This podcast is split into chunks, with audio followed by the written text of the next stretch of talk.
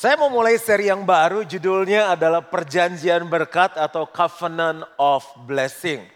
Dalam hidup kita ngelihat berbagai macam keadaan. Contoh, ada orang yang begitu berhasil dan diberkati dalam hidup dan usahanya. Kita lihat dia gini, wow, wow. Tapi ada orang yang selalu gagal. Buka salon, tutup. Bisnis online, sepi ternak lele tenggelam semua. Ada orang yang sangat bersemangat dan rajin bekerja, tapi hasilnya nggak memuaskan. Tapi di sisi lain, ada orang yang sangat kaya, tapi nggak menikmati kekayaannya. Sakit-sakitan, keluarga nggak bahagia. Dari empat skenario tadi, Bapak Ibu pengen yang mana? Kita pengen diberkati, menikmati, keluarga bahagia, sehat-sehat, mati masuk surga. Top deh kebaktian tiga nih. Kenapa sih ada orang yang hidupnya beda-beda? Itu ditentukan oleh dasar yang dibangun oleh mereka. Gedung itu kuat atau tidak, itu karena dasar. Kalau kita lihat mana pak dasarnya? Dasar nggak kelihatan, tapi dampaknya itu jelas. Jadi jangan keburu-buru kagum sama orang, wih hebat, wih keren. Atau mengasihin orang, kasihan ya kayaknya kena kutuk. Jangan, kita mesti lihat dulu dasar hidupnya. Dan yang berikut adalah gini, prinsip atau hukum yang dia pegang. Karena apa yang orang itu percayai, itu jadi dalam hidup orang itu. Tapi kita mau dengar apa kata firman Tuhan. Ulangan 8 ayat 18. Bapak Ibu mungkin yang hadir kalau sudah kaya, tolong ajarkan ini sama anak-anak kita. Karena kita mungkin gigih, ulet, tapi anak-anak kita belum tentu gigih. Ah udah, papa mama saya kaya. Bisa miskin anak kita. Dan saya minta di kelompok sel dibahas tuntas delapan seri ini. Kupas habis. Tetapi haruslah engkau ingat kepada Tuhan Allahmu, sebab dialah yang memberikan kepadamu kekuatan untuk memperoleh kekayaan. Dengan maksud meneguhkan perjanjian yang diikrarkannya dengan sumpah kepada nenek moyangmu seperti sekarang ini. Tuhan itu sampai sumpah untuk bisa memberkati hidup kita. Karena orang Kristen keselamatan dia percaya. Mati masuk surga, percaya om. Sakit disembuhkan percaya, percaya pastor. Tuhan bisa berkati bisnismu. Uh, sampai Tuhan sumpah bahwa Tuhan pengen supaya kita diberkati. Tapi Pak ini ayatnya kan Allah sumpah sama nenek moyang. Siapa nenek moyang kita? Nenek moyang kita adalah Abraham. Abraham. Kita ini Israel, Israel rohani. Galatia 3 ayat 29. Bagaimana Allah sumpah sama Abraham, kita mungkin nama depannya A, Akyong, bisa tetap dapat berkat itu. Yuk kita baca. Galatia 3 ayat 29. Dan jikalau kamu adalah milik Kristus. Milik Kristus itu artinya gini. Kalau kita undang Yesus jadi juru selamat dan Tuhan, dia jadi bapak, kita jadi anak kan. Berarti kita miliknya siapa? Miliknya bapak, miliknya Kristus. Contoh, anak wanita saya cari Samogi, mau umur 10 tahun bentar lagi, anak itu milik saya. Sampai saat ada suatu saat ada seorang pria yang ngambil dia jadi istri, baru dia jadi satu dengan istrinya. Kembali ke Galatia 3 tadi. Dan jikalau kamu adalah milik Kristus, maka kamu juga adalah keturunan Abraham. Coba bilang sama kiri kanannya, gini-gini keturunan Abraham. Dan apa? Baca sama-sama dua tiga berhak. Ayo sama-sama berhak menerima janji Allah. Apa janji Allah? Allah mau memberkati setiap kita. Begitu. Nah, jadi bicara berkat itu perjanjian. Allah sumpah mau memberkati kita. Apa sih arti perjanjian? Perjanjian adalah kesepakatan yang dibuat oleh dua pihak atas sesuatu hal. Misalnya kontrak rumah, jual beli barang, yang berlaku jika kedua belah pihak memenuhi persyaratan yang telah dibuat bersama. Itu artinya perjanjian. Jadi sebelum nyampe ke Abraham, Bapak di surga udah buat perjanjian sama manusia pertama, namanya Adam dan Hawa. Masih ingat gak perjanjiannya apa? Allah memberkati mereka. Lalu Allah berkata, beranak cuculah, penuhi bumi, kuasai, taklukkanlah, berkuasa atas ikan-ikan di laut, burung-burung di udara, dan atas ternak, dan atas semua binatang melata di muka bumi ini. Bayangin semua dikuasai sama Adam dan Hawa. Perjanjiannya cuma simple. Semua pohon dalam taman ini kamu boleh makan buahnya. Kecuali satu pohon tentang pengetahuan yang baik dan yang jahat. Bapak ibu kalau jadi Adam gampang nggak? Aduh itu deal bisnis paling gampang. Dapat modal, dapat fasilitas, dapat monopoli. Cuma nggak boleh makan satu pohon. Namanya manusia nggak tahan. Gagal, dicia juga. Apa yang terjadi? Batal kan? Batal. Perjanjian batal. Kejadian 3 ayat 23. Lalu Tuhan Allah mengusir dia, si Adam itu, dari Taman Eden. Kenapa banyak orang bisnisnya Edan? Karena mereka batal dalam perjanjian. Supaya ia mengusahakan tanah dari mana ia diambil. Dengan berpeluh, dengan membanting tulang, dia mencari nafkah seumur hidupnya. Akhirnya Bapak di surga pikir, dia ingat dia punya anak namanya siapa? Yesus. Jadi dibilang begini, Yesus kamu harus jadi perantara supaya manusia yang suka nggak tahan nafsu itu bisa diberkati. Caranya gimana Yesus bilang sama Bapak? Kamu harus mati di kayu salib. Supaya kamu yang kaya datang, mereka yang miskin jadi kaya karena pertukaran di kayu salib itu. Makanya Yesus turun ke bumi, dia mati di kayu salib. Hmm, yuk baca ayatnya. Pelan-pelan ya, saya berharap kita bisa terus ngikutin. Karena kalau Yesus yang dikasih perjanjian, dia nggak mungkin gagal. Jadi Yesus mewakili kita dan berkat yang harusnya sampai ke manusia ada di siapa sekarang? Ada di Yesus, karena Yesusnya jadi perantara. Nah bagaimana kita bisa mendapatkan itu? Galatia 3 ayat 13 sampai 14. Kristus telah menebus kita dari kutuk hukum Taurat dengan jalan menjadi kutuk karena kita. Sebab ada tertulis terkutuklah orang yang digantung pada kayu salib. Yesus Kristus telah membuat ini, membuat apa? Dia mati di kayu salib supaya di dalam Yesus berkat Abraham yang tadi itu sampai kepada bangsa-bangsa lain. Indonesia termasuk bangsa enggak? Termasuk supaya berkat Abraham sampai kepada Indonesia. Sampai berkat Abraham sampai kepada kita. Sehingga oleh iman, jadi cuma yang percaya yang dapat. Iman tuh percaya. Sehingga oleh percaya kita menerima roh yang telah dijanjikan itu. Makanya Bapak Ibu, kalau kita terima Yesus sebagai juru selamat dan Tuhan, kita itu menjadi milik Kristus, sehingga apa yang menjadi milik Abraham itu, kekayaan yang Tuhan janjikan, nyampe juga ke kita. Jadi kita mesti sering ngomong terima kasih Tuhan Yesus. Nah sekarang kita kan udah terima Yesus. Kenapa banyak orang Kristen, banyak orang percaya nggak mengalami berkat dalam hidupnya? Ada dua kata penting. Yang pertama namanya de jure. Yang kedua namanya de facto. Aduh Pak itu makanan apa? Gini lah ingat proklamasi kemerdekaan Indonesia? Ingat gak? Indonesia kan menyatakan kemerdekaan secara de jure dan de facto. Makanya dia proklamirkan 17. Gimana ya? Kami bangsa Indonesia dengan ini menyatakan. Sampai terakhir adalah Soekarno, Hatta, 17 Agustus 1945 itu harus. Jadi waktu kita terima Tuhan Yesus secara de jure, secara posisi kita bebas dari kutuk. Kita adalah orang yang diberkati oleh Tuhan. Masalahnya Pak, mana tuh berkat nggak nyampe-nyampe. Tapi secara de facto kenyataan berkatnya belum nyampe. Caranya apa? Kita perlu hidup di dalam Kristus dan mengambil segala berkat yang harusnya jadi milik kita dengan iman. Sampai sini apakah aman? Clear? Oke, pastor akan bantu dengan ilustrasi. Bolehkah saya minta dua pria yang berani entah single, double atau apa ganda campuran untuk bisa maju ke depan? Ya, nggak tahu ini kenapa ditunjuk coba.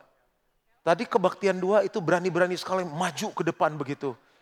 Ini memang low profile kebaktian tiga. Wah luar biasa Bapak. Ya silakan Bapak dari partai mana? Merah-merah silakan maju ke depan. Uh, mantap. Kalau dari bentuk tubuh sekitar 20-an tahun, Bapak umurnya begitu? Iya, atletis sekali. Ya, tolong berdiri di sini dan menghadap kepada jemaat. Jadi saya akan beri ilustrasi yang memberi hutang dan yang berhutang. Lebih cocok yang mana menurut Bapak Ibu? Ya udah kamu pilih, kamu mau yang memberi hutang atau berhutang? Yang memberi hutang, ya kamu di sini. Bapak yang berhutang ya. Pak siapa namanya? Pak Jun dan Pak Pak Martin. Berarti yang memberi hutang namanya kreditor. Bapak pasti orang kaya sekali, kreditor. Lalu Bapak yang berhutang namanya debitor. Karena pastor pakai congsam, pastor jadi Tuhan Yesus. Bapak perlu uang sehingga Bapak berhutang 10 miliar rupiah. Karena Bapak yang orang kaya Bapak berniat berhutang, silakan hutangnya diambil. Iya, dipinjamkan 10 miliar rupiah. Bapak senyum-senyum, belum tahu rasanya punya hutang 10 miliar? Belum tahu ya. Itu belum bunganya, belum cicilannya ya. Yang penting dapat hutang dulu luar biasa. Nah, Bapak di surga lihat kasihan sekali dia hidup dalam hutang. Jadi Bapak di surga kan kaya kan. Jadi saya telepon sama Pak Jun. Pak Jun, udah itu nggak usah pusing hutangnya ya. Saya bantu kamu dengan dana 10 miliar. Oke? Okay? Supaya kamu bisa melunasi hutang kamu. Saya minta nomor rekening, saya transfer ke bank. Dan akhirnya di account yang kosong itu ada uang 10 miliar. Pertanyaan saya, Pak Jun hutangnya udah lunas belum? Belum. Bagaimana caranya lunas? Dia harus pergi ke bank. Dia harus pergi pergi sama saya ke bank. Ambil dananya 10 miliar Lalu bayarkan hutang ini kepada kreditor. Nah sekarang saya tanya, Pak Jun sudah lunas belum hutangnya? Kenapa dia lunas? Karena dia sudah bayar. Nah apa artinya ilustrasi ini? Jadi waktu kita terima Yesus sebagai juru selamat dan Tuhan, secara de jure, secara posisi kita orang yang diberkati. Tapi kok berkatnya nggak sampai-sampai. Saudara harus berjalan di dalam perjanjian berkat dengan iman untuk mengambil semua berkat yang Tuhan sudah kasih dalam hidup kita. Nah perjalanan inilah yang kita mau bahas selama delapan seri berturut-turut. Banyak orang Kristen salah kaprah. Pak Tolong tumbangin tangan pak, diimpartasikan pak. Supaya saya uangnya sama banyak seperti bapak. Ya orang iso. Mau 10 kali terus dia jatuh guling-guling gak bisa. Statusnya dia diberkati. Ini bukan kita gak percaya penumpangan tangan. Tapi kita harus berjalan di dalam perjanjian berkat. Apakah clear sampai di sini? Kita kasih tepuk tangan dulu untuk mereka berdua. Jadi karena kita sebagai manusia gagal terus dalam perjanjian berkat, Yesus yang menggantikannya. Kalau kita mau ngalami itu, hiduplah di dalam Yesus. Sehingga kita nggak mungkin gagal lagi. Dan semua berkat yang ada di dalam Yesus akan turun dalam hidup kita. Nah, saya masuk ke inti khotbah saya. Ada tiga hal yang perlu kita ketahui tentang cara Allah memberkati kita. Allah yang pertama, Allah memberkati kita dengan maksud meneguhkan perjanjiannya. Jadi bagaimana cara Allah memberkati? Dia tepati janjinya dalam hidup kita. Ulangan 8 ayat 18, tetapi haruslah engkau ingat kepada Tuhan Allahmu, sebab dialah yang memberikan kepadamu kekuatan untuk memperoleh kekayaan. Dengan maksud meneguhkan perjanjian yang diikrarkannya dengan sumpah kepada nenek moyangmu seperti sekarang ini. Bagaimana cara Allah memberkati kita? Dia tepati janjinya. Yang kedua, Perjanjian Allah adalah perjanjian berkat yang pasti disertai sumpah. Cara Allah memberkati kita bukan gini, hmm, kayaknya hari ini aku rasanya lagi gak pengen berkati kamu deh. Enggak, pasti Allah memberkati kita. Bilang sama-sama, pasti. Jadi perjanjian Allah itu sangat dahsyat karena pasti terjadi tidak dapat dibatalkan oleh manusia. Kita ngelamar kerja, udah mau diterima tiba-tiba, e, maaf pak kita nggak jadi pakai pegawai, kita nggak jadi butuh pegawai. Pusing kita, tenang ada perusahaan lain yang mau hire kita. Udah mau tekan kontrak, project tender, gagal. Tenang, ada project yang lain yang Tuhan siapkan. Apalagi Perjanjian berkat yang Tuhan beri dalam hidup kita tidak dapat dihalangi oleh manusia. Ishak satu saat mengalami, papanya kan kaya, namanya Abraham. Dia punya banyak sumur, itu bicara mengenai bisnis, ditutup semua sama musuh, sama orang Filistin. Ditutup semuanya, mau dimatiin bisnisnya. Akhirnya dia mulai lagi dengan kekuatan Tuhan. Dia ingat, aku hidup dalam perjanjian berkat. Dia gali satu sumur, diambil sama orang Filistin. Dia nggak ngotot, dia bilang gini, you want this, take it. Gitu. Nggak ada yang rebutan warisan lagi kan? Ya tapi kan dia paling kecil, kenapa dapatnya 70%? Nggak usah, you want this, take it. Karena Tuhan nggak berkati kita hanya dari warisan, dia bisa berkati kita dari mana aja. Dia buka lagi sumur berikut, ketutup kan? Udah tutup, dia buka, keluar air. Diambil lagi sama orang Filistin. Dia bilang gini, you want this? Mau? Ambil aja kok. Aduh Ishak luar biasa. Sampai yang ketiga, dia gali, keluar lagi air. Dan di tempat itu terjadi perdamaian. Karena mungkin yang pertama bukan buat dia, yang kedua bukan buat dia, tapi yang ketiga ini yang Tuhan mau.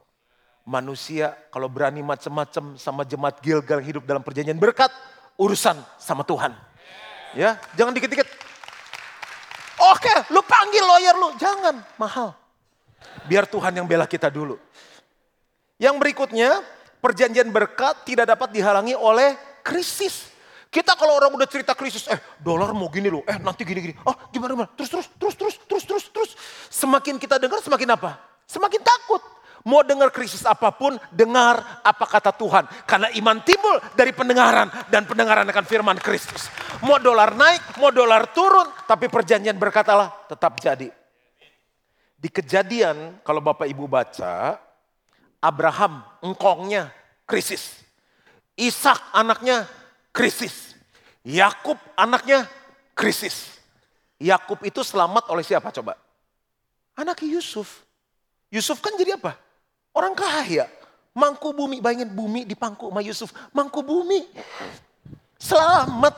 Saya ambil contoh Ishak aja ya. Lagi susah nih. Lagi krisis. Karena dia hidup dalam perjanjian berkat. Maka menaburlah Ishak di tanah itu. Dan dalam tahun itu juga ia mendapat hasil seratus kali lipat. Sebab ia diberkati Tuhan. Dan orang itu menjadi kaya. Bahkan kian lama kian kaya sehingga ia menjadi sangat kaya. Karena apa? Kita hidup dalam perjanjian berkat. Next, cara Allah memberkati kita tidak dapat dibatasi oleh hukum alam. Masih ingat setiap kali ulang tahun Gilgal saya cerita kenapa kita pilih lokasi di sini. Dulu pik sepi, itu belasan tahun yang lalu. Saya baru ngerti kalau Tuhan mau memberkati, nggak peduli mau dipik, mau dipok, mau dipak, selama Tuhan memberkati, jadi. Contoh-contoh ya, contoh. Masih ingat cerita Abraham sama Lot nggak?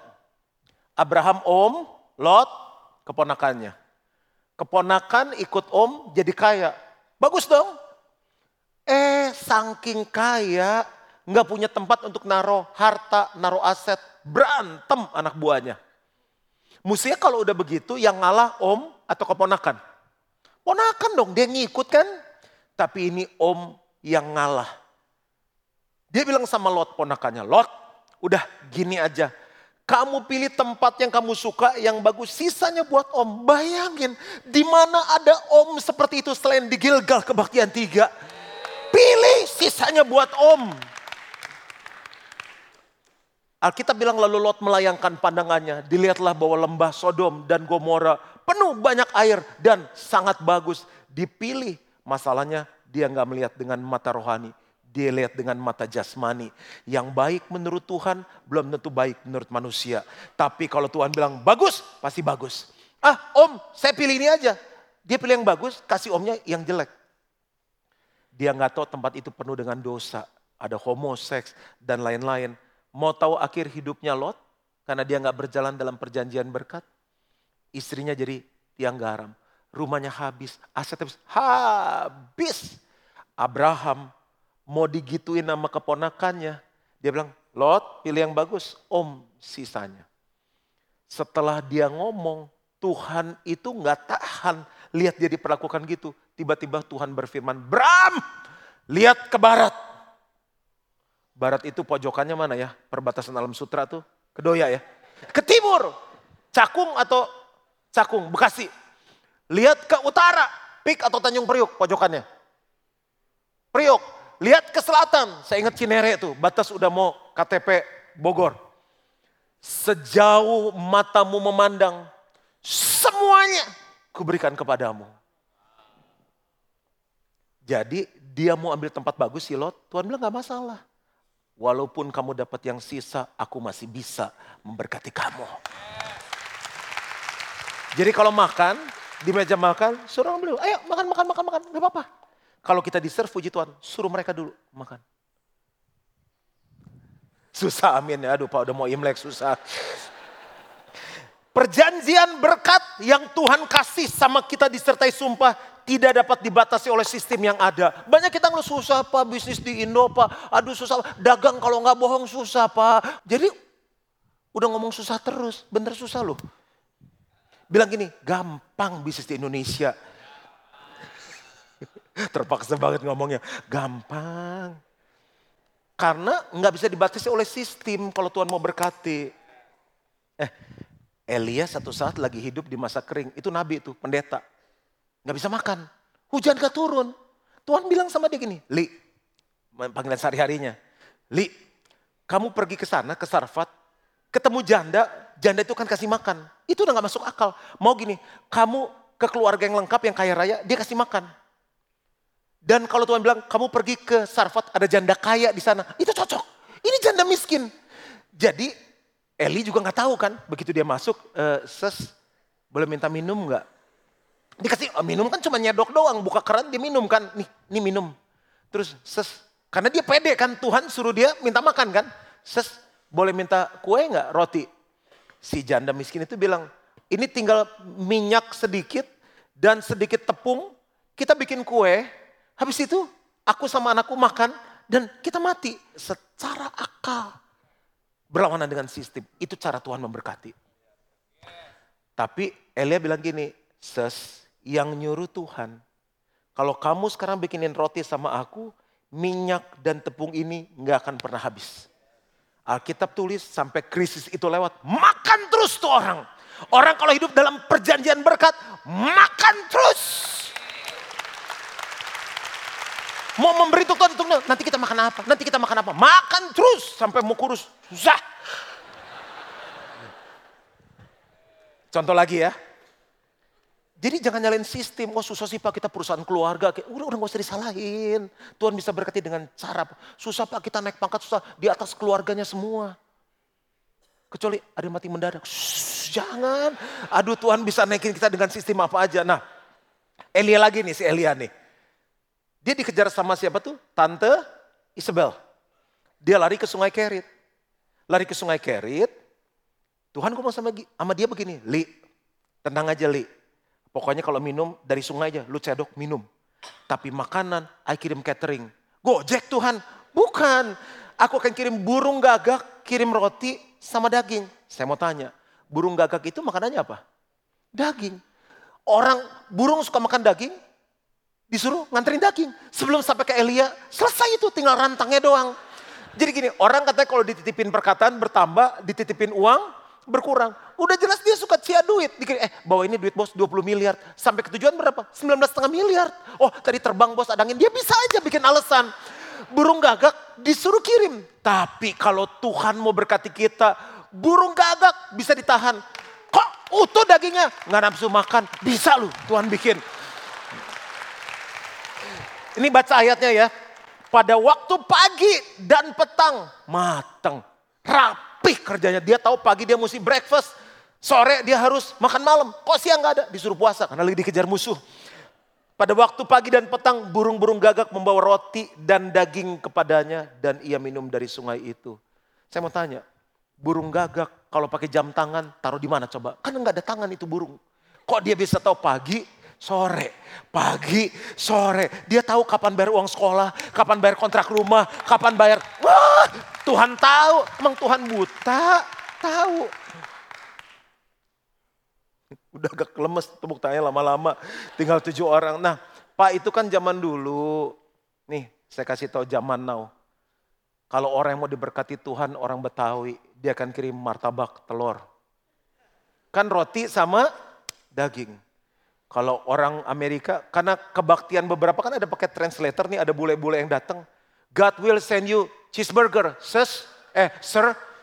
Dia akan kirim cheeseburger.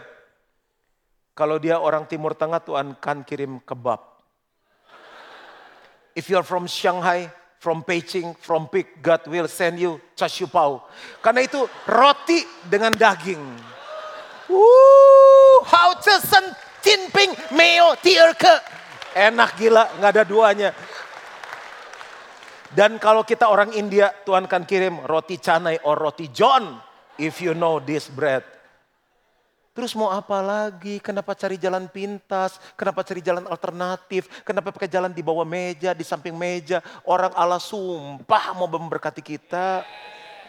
Dan yang terakhir, perjanjian berkat nggak bisa dimusnahkan oleh manusia mana pun.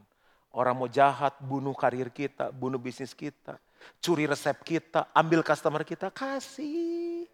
Kasih.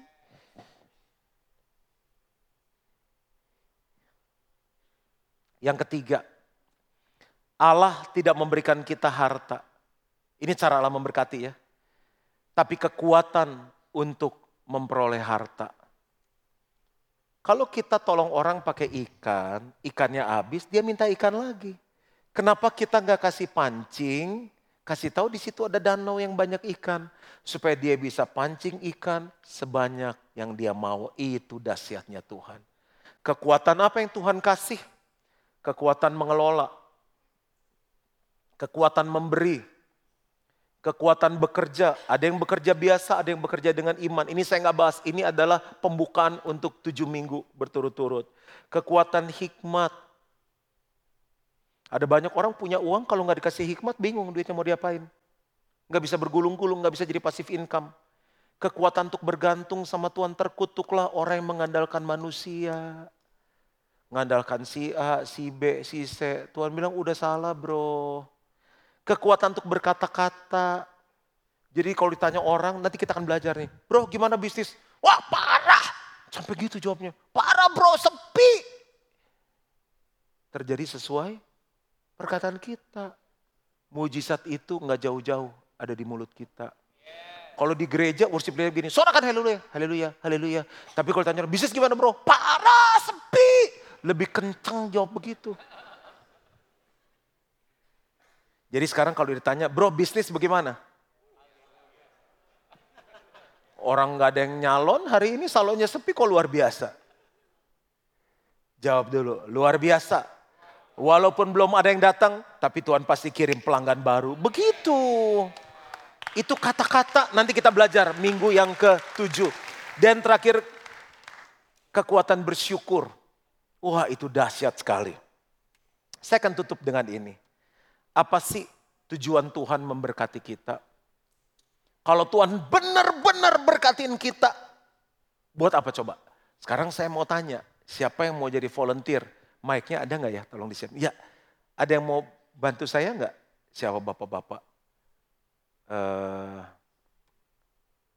bapak mau yang baju biru di belakang? Kaos biru ya Pak ya? Oh enggak, berkat loh. Enggak, oh, oke terima kasih, maaf. Bapak mau tolong saya yang baju ini, yang baris ketiga ya Pak? Wah terima kasih sekali Pak. Boleh perkenalan namanya siapa Pak? Berdiri Pak. Billy? Enggak, berdiri ya. Maksudnya berdiri. Oh berdiri, oh ya boleh. Oh saya kira namanya Billy, oke. Bapak namanya siapa? Oh, saya Pino. Pino, Pino. Vino. Semuanya bilang hai Vino. Pino, Pino. Pak, Bapak tuh kalau pengen kaya pengen punya berapa duit Pak?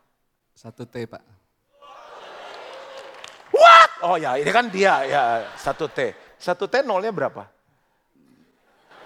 Uh, 12 ya. yang selain Bapak jangan jawab. Oke. Dapat nih satu T dari Tuhan. Bapak pakai apa? 10% untuk Gilgal 2. Oke, sisa 900 miliar. Secara mana nih Pak? Ya sisa 900 miliar buat apa? Kalau saya sendiri ya Pak, buat yayasan sosial, buat sekolah. Ya sosial berapa? Bangun gedung. Ya sosial berapa? Sosialnya 30 persen. Ya sisa 800 miliar. Buat sekolah berapa? Sekolahnya 50 persen. 50 persen berarti sekitar 500 miliar, Bapak masih punya 300 miliar. 300 Bingung. miliar? Mm -mm. Uh, 10 persen bagi saya. 30 miliar buat Bapak, 270 miliar? Dibagi-bagi aja Pak. Eh Bapak boleh duduk ya, oke. Jangan lupa loh kalau dapat satu triliun.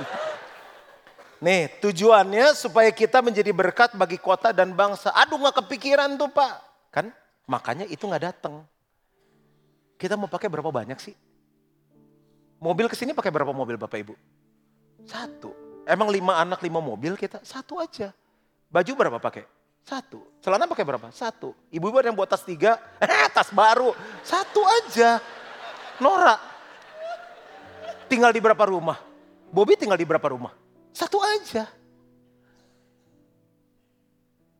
Makanya Tuhan bilang gini, begitu ngerti tujuan, nyampe tuh. Kenapa Gilgal terus diberkati? Kita nggak pernah tahan ke mana yang Tuhan mau gerakan, kita salurkan. Memberkati negara, memberkati kota, memberkati bangsa. Kalau Bapak Ibu pengusaha profesional, kita tambah bisnis supaya lebih banyak orang bisa bekerja. Kita tingkatkan taraf hidupnya. Buka cabang di Surabaya, di Bali. Bukan supaya, aku tambah bukan. Supaya orang-orang di sana diberkati dengan perusahaan ini. Nah cara berpikir itu yang mesti selaras dulu tuh.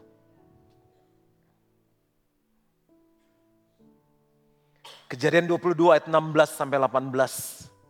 Saya lompat ayat 17, maka aku akan memberkati engkau berlimpah-limpah dan membuat keturunanmu sangat banyak seperti bintang di langit dan seperti pasir di tepi laut. Dan keturunanmu itu akan menduduki kota-kota musuhnya. Ayat 18 baca sama-sama, dua, tiga.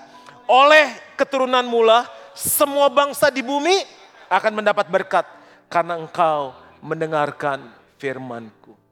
Bapak Ibu keberatan nggak satu ayat terakhir aja. Ini ayat ini benar-benar akan merubah cara berpikir kita.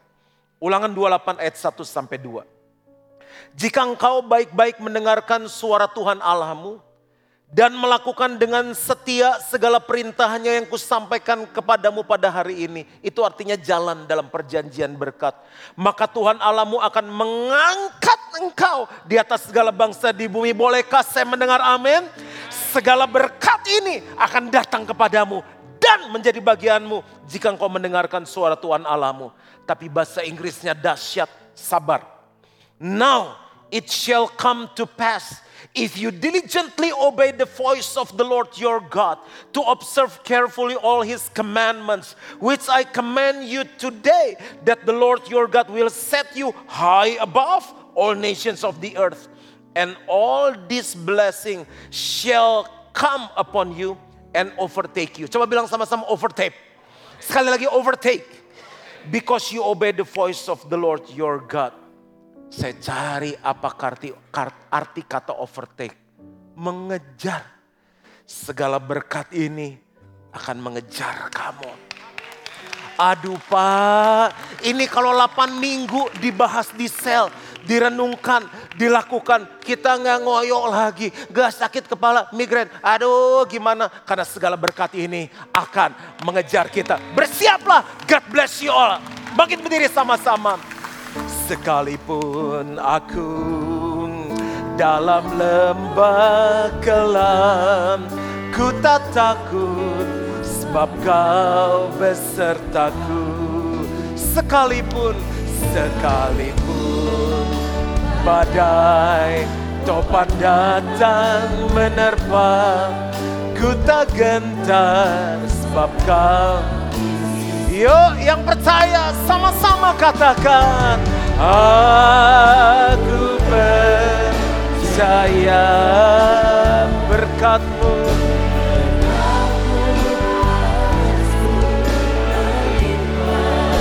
Kebajikan, kebajikan, kemurahan selalu mengikutiku. Ku puji, ku sembah. Sama-sama aku percaya. Aku percaya berkatmu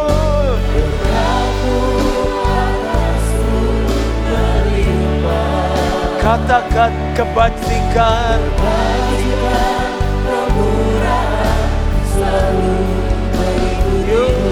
sembah dia, ku puji, ku sembah.